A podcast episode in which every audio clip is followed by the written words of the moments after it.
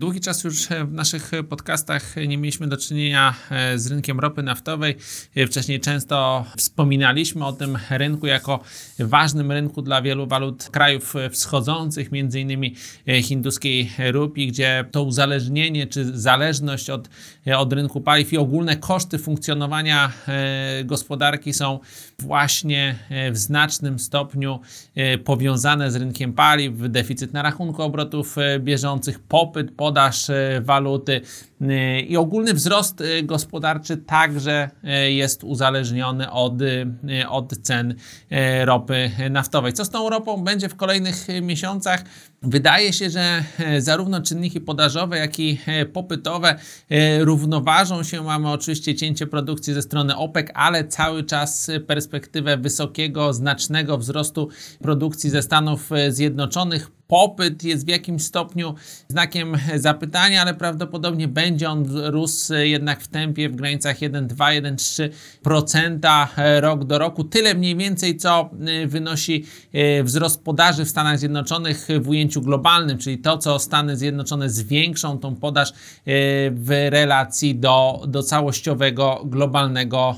popytu. W rezultacie więc pewne zaburzenia rynkowe, jakieś nieprzewidziane na przykład problemy z podażą już gotowych produktów, jak to miało miejsce y, na przykład w Niemczech w zeszłym roku, kiedy awaria, wybuch w jednej z rafinerii, czy, y, czy problemy na arenie spowodowały, że ceny diesla wzrosły nie tylko w południowych Niemczech, nie tylko na przykład w Bawarii, ale również w całych, w całych Niemczech, w całej Europie, a i to przełożyło się na wyższe ceny na świecie. Także takie elementy, takie e, sytuacje mogą spowodować wzrost cen e, paliw. E, jeżeli będą obserwowane na rynku ropy naftowej, no to oczywiście wzrost cen ropy naftowej. Natomiast gdyby nic szczególnego się nie wydarzyło, gdyby wzrost podaży był zgodny z oczekiwaniami Międzynarodowej Agencji Energetycznej, czyli w Stanach Zjednoczonych cały czas powyżej 1 miliona